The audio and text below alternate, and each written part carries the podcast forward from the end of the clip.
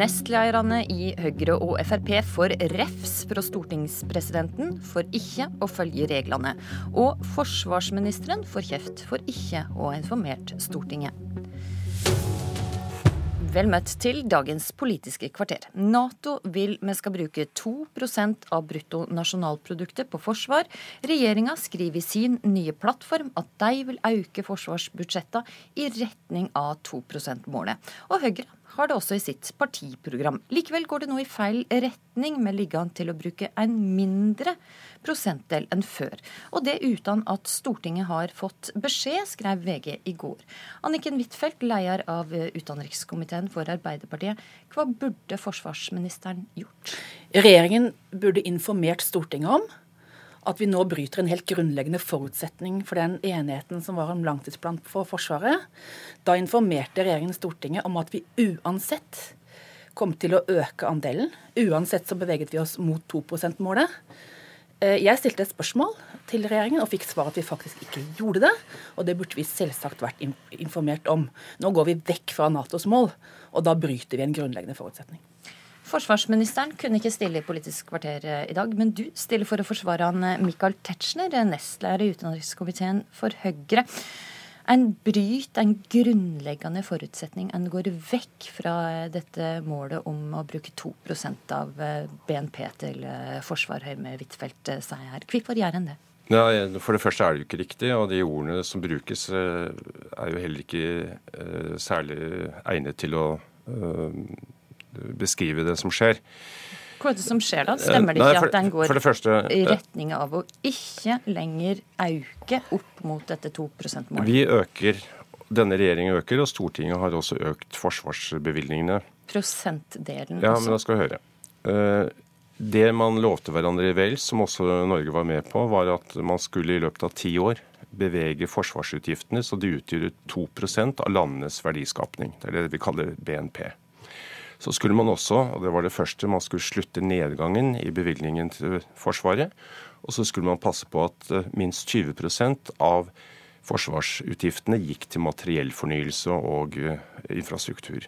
Men vi tar dette 2 og, Ja, men siden man begynner å snakke om at dette er en grunnleggende forutsetning for Nato-samarbeidet, kan bare si at uh, Norge har oppfylt uh, det som er forpliktelsene som man påtok seg, som ikke er juridisk bindende, men som er et sterkt moralsk imperativ, som også Norge har glede av, fordi vi får også økt forsvarsevne når de store du, la oss, land øker. La oss bare ta dette 2 %-målet, for her har jo da regjeringa sagt at en skal øke opp mot 2% Ja, og da kan vi Nå, gå da kan vi gå inn i denne millimeter. Eh, der at ja. de, de går ned. Ja, men da må jeg også få lov til å forklare. Eh, når man da sier at regjeringen eventuelt avviker fra noe de har sagt før.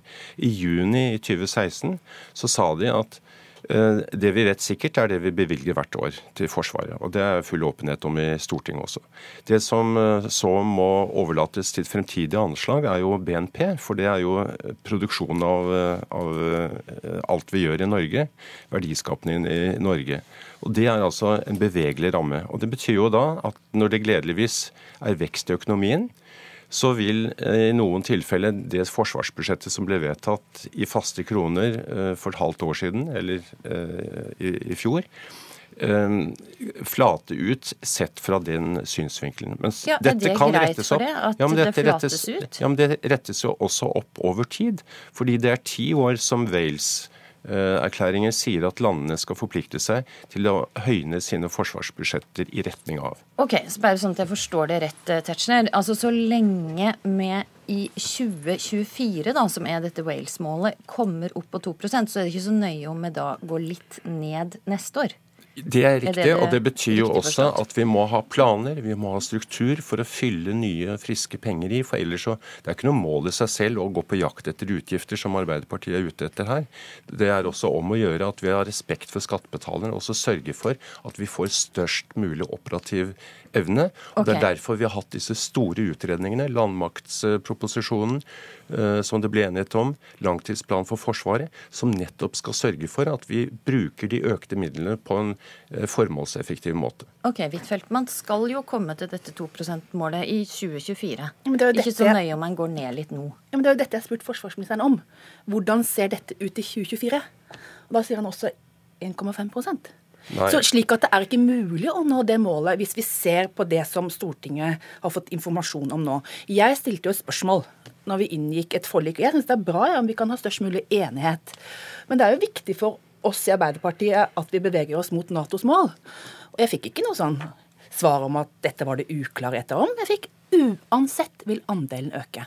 Og Hvis vi ser på de øvrige Nato-landene nå, så var det jo sånn at etter 2014 så ble det veldig stor bevissthet om og et vedtak om at alle skulle øke. Det var fra president Obama og fulgt opp av den nåværende administrasjonen. Og vi går jo ned sammenlignet med andre Nato-land. Vi er det eneste Nato-landet med grense mot Russland som ikke bruker 2% Og Hvis vi ser på Natos ranking, da, så har vi beveget oss fra sjuendeplass til ellevteplass. Så vi faller i forhold til andre Nato-land. Slik at de unnskyldningene som her presenteres, det holder rett og slett ikke mål. Er det greit, eh, Tetzschner? Nei, altså jeg, blir, jeg, blir litt, jeg, blir, litt, oppgitt her. fordi Hvis man eh, forlanger eh, at andre skal være presise, så får man selv også forholde seg til presis informasjon. Du har akkurat den 6. februar fått et brev fra utenriksministeren som viser til at det som er referansepunktet, det var juni 2016, hvor det ble lovet en reell økning i forsvarsutgiftene. Og det har vært innfridd til i dag. Man har økt forsvarsbudsjettet med 3,5 milliarder kroner for 2017 og 2018. Men forhold deg til 2 Ja, men 2 %-målet, det er Norge med på. Det er, det er, ikke sånn at det er et krav fra Nato. Norge var selv representert eh, på møtet i Cardiff, eh, hvor man sa at i løpet av en decade, altså eh, ti år, så skulle man bevege sine forsvarsutgifter i retning av 2% Og Det betyr også at det er ikke et absolutt mål om å nå 2% på streken fra det møtet. Det er selvfølgelig en oppbygging som må skje planmessig, så vi er sikre på at vi får økt operativ kraft ut av de økte midlene. Ok, Wittfeldt. Ja, Det kan jo leses ut fra dette vedtaket, om man skal være på 2% eller ikke. Vi skal i hvert fall bevege oss mot 2% Ja, det gjør vi. Nei, det er jo nettopp det vi ikke gjør. Det, det, er jo nettopp det jeg har stilt statsråden spørsmål om. Nå må du ikke slutte ut. Du har akkurat, for, akkurat, akkurat fått et brev om det. Vel, la Huitfeldt Jeg har akkurat fått et brev. Jeg fikk først et brev da vi inngikk et forlik om langtidsplanen. Der sto det at uansett ville andelen øke. Uansett. Det er ingen forbehold. Uansett. Så stilte jeg spørsmål beveger vi oss nå mot 2% både til 2020 og 2024. Og statsråden sier, og dette er presis gjengivelse, Tetzschner, vi gjør ikke det. Vi er på nedadgående andel fra 2014. Slik at dette viser jo at regjeringen ikke har informert Stortinget. Vi bryter en grunnleggende forutsetning for langtidsplanen. Vi beveger oss bort fra Natos mål, og vi faller sammenlignet med andre Nato-land. Dette er direkte uriktig for 2014 som er referanseår. Eh, denne regjeringen har altså økt eh, forsvarsbudsjettet med 24% etter at de overtok etter Arbeiderpartiet.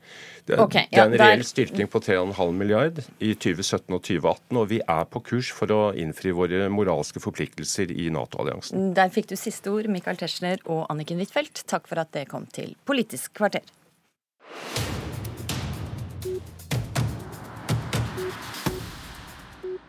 Nestlederne i Høyre og Frp får refs fra presidentskapet for ikke å møte i spørretimen da de forhandla om ny regjeringsplattform. De skriver presidentskapet har forståelse for at regjeringens forhandlinger er en prioritet hos de som skal delta, men det forventes av alle statsråder at de følger opp de parlamentariske forpliktelsene de har overfor Stortinget uavhengig av regjeringens interne agenda. Spørretimen er en viktig del av Stortingets kontrollfunksjon, og følgelig en viktig del av dialogen mellom storting og regjering, med mindre uforutsette hendelser gjør at det ikke er mulig for den enkelte statsråd å møte, forventer Stortinget at de prioriterer deltakelse i spørretimen. Sitat slutt. Nestleder i Frp, Ketil Solvik-Olsen, du er altså en av fire som fikk refs og til presidentskapet å være. Og dette ganske krasse ordelag. Hvordan svarer du? Jeg er veldig glad i spørretimen. Jeg stiller opp så ofte jeg får spørsmål. Eh, og jeg skulle ønske at Senterpartiet gjerne stilte flere spørsmål. I eh, foregående stortingsperiode så fikk jeg eh, to-tre spørsmål i året fra dem. Sånn at de må gjerne invitere meg oftere. Og jeg tror dere vil finne i historikken at for alle vi, oss fire statsråder som fikk brevet, så har vi stilt opp når vi har fått spørsmål. Da er dette ene unntaket. Og det var alle godt kjent med at vi satt og forhandla en regjeringsplattform. Men prioriterte det feil, slik da presidentskapet sier at det gjorde? Det burde prioritert å svare på disse spørsmålene fra Senterpartiet, og ikke forhandla regjerings, eh, ny regjeringsplattform, sier presidentskapet. Vel, i, eh, i, hele høst så fikk vi kjeft fra Senterpartiet fordi at vi ikke ble ferdige å, å forhandle med Venstre og komme fram med en ny regjering. og Derfor vurderte vi at det totale bildet var at Senterpartiet egentlig var mer opptatt av at vi fikk avklart ny regjering, enn å stille at jeg svarer på spørsmål som de for så vidt har fått svar på før i Stortinget. De fikk tilbud om at en annen statsråd kunne svare, så det var ikke sånn at de ikke ville kunne fått informasjonen de ber om. Og de fikk tilbud om at vi kunne ta det påfølgende uke. Så hadde de et behov for å statuere et eller annet form, f.eks. lage et eller annet som de nå åpenbart har lyst til å kritisere oss for. Det har de jo oppnådd medieoppmerksomhet på. Jeg tror Ser en på historikken her, så har vi gjort den jobben som Stortingets presidentskap ønsker. Vi stiller opp i spørretimen, vi svarer på spørsmål, informerer om de sakene Stortinget er opptatt av. Men altså ikke akkurat denne gangen. Og Marit Arnstad, parlamentarisk leder i Senterpartiet. Det var altså du som klaga dette inn til presidentskapet. Er du nøyd med svaret du fikk? Ja, jeg er veldig glad for at presidentskapet har understreka overfor regjeringa Eh, både de fire statsrådene, men også en samla regjering, at, eh, at de må følge opp de parlamentariske forpliktelsene overfor Stortinget, uavhengig, og det er viktig, uavhengig av regjeringens interne ag agenda. Jeg legger meg ikke opp, legger meg ikke opp i hvordan regjeringa prioriterer sine indre anliggender. Men eh, jeg mener at det må være mulig å prioritere sånn at du får noen timer til å komme til Stortinget på onsdag. Eh, og det er jo også litt rart da, at de ikke kunne finne noen timer til Stortinget, mens de altså kvelden før hadde full anledning til å gå på eh, årsmiddagen til NHO, sjøl om de mente de var i en travel tid. Ja, Kette Solvik-Olsen, du prioriterte årsmiddagen til NHO, men ikke spørretimen i Stortinget? Jeg tror alle som har vært gjennom sånne runder, vet at det er tider der en sitter og bearbeider tekst, eh, jobber med fakta og lignende, og så er det tider der en sitter og forhandler. Og Vi kunne altså ikke snu rekkefølgen på måten vi jobbet på, fordi at tirsdag kveld ble brukt av rådgiverkorps til å bearbeide tekst, som vi da skulle forhandle om onsdag morgen. Okay. Du kan ikke forhandle om en tekst som ikke er ferdig.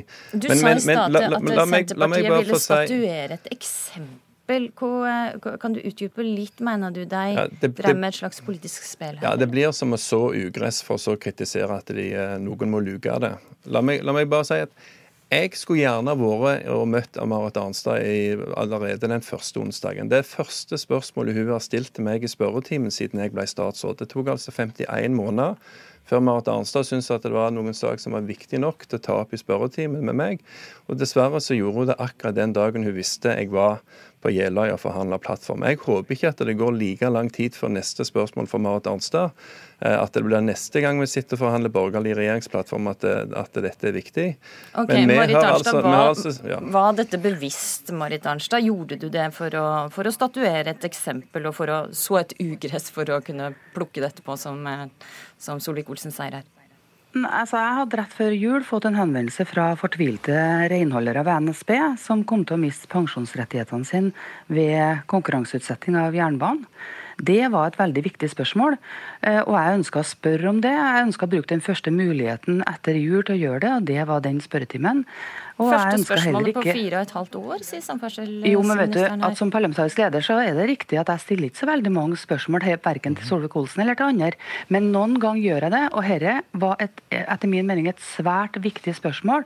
Renholderne ved NSB risikerer å tape pensjon. Arnstad, ville det også i Senterpartiet, som da stilte spørsmål til alle disse fire nestlærerne, eh, og ikke godtok at, å få et svar da neste uke, eller at en annen statsråd svarte i deres sted.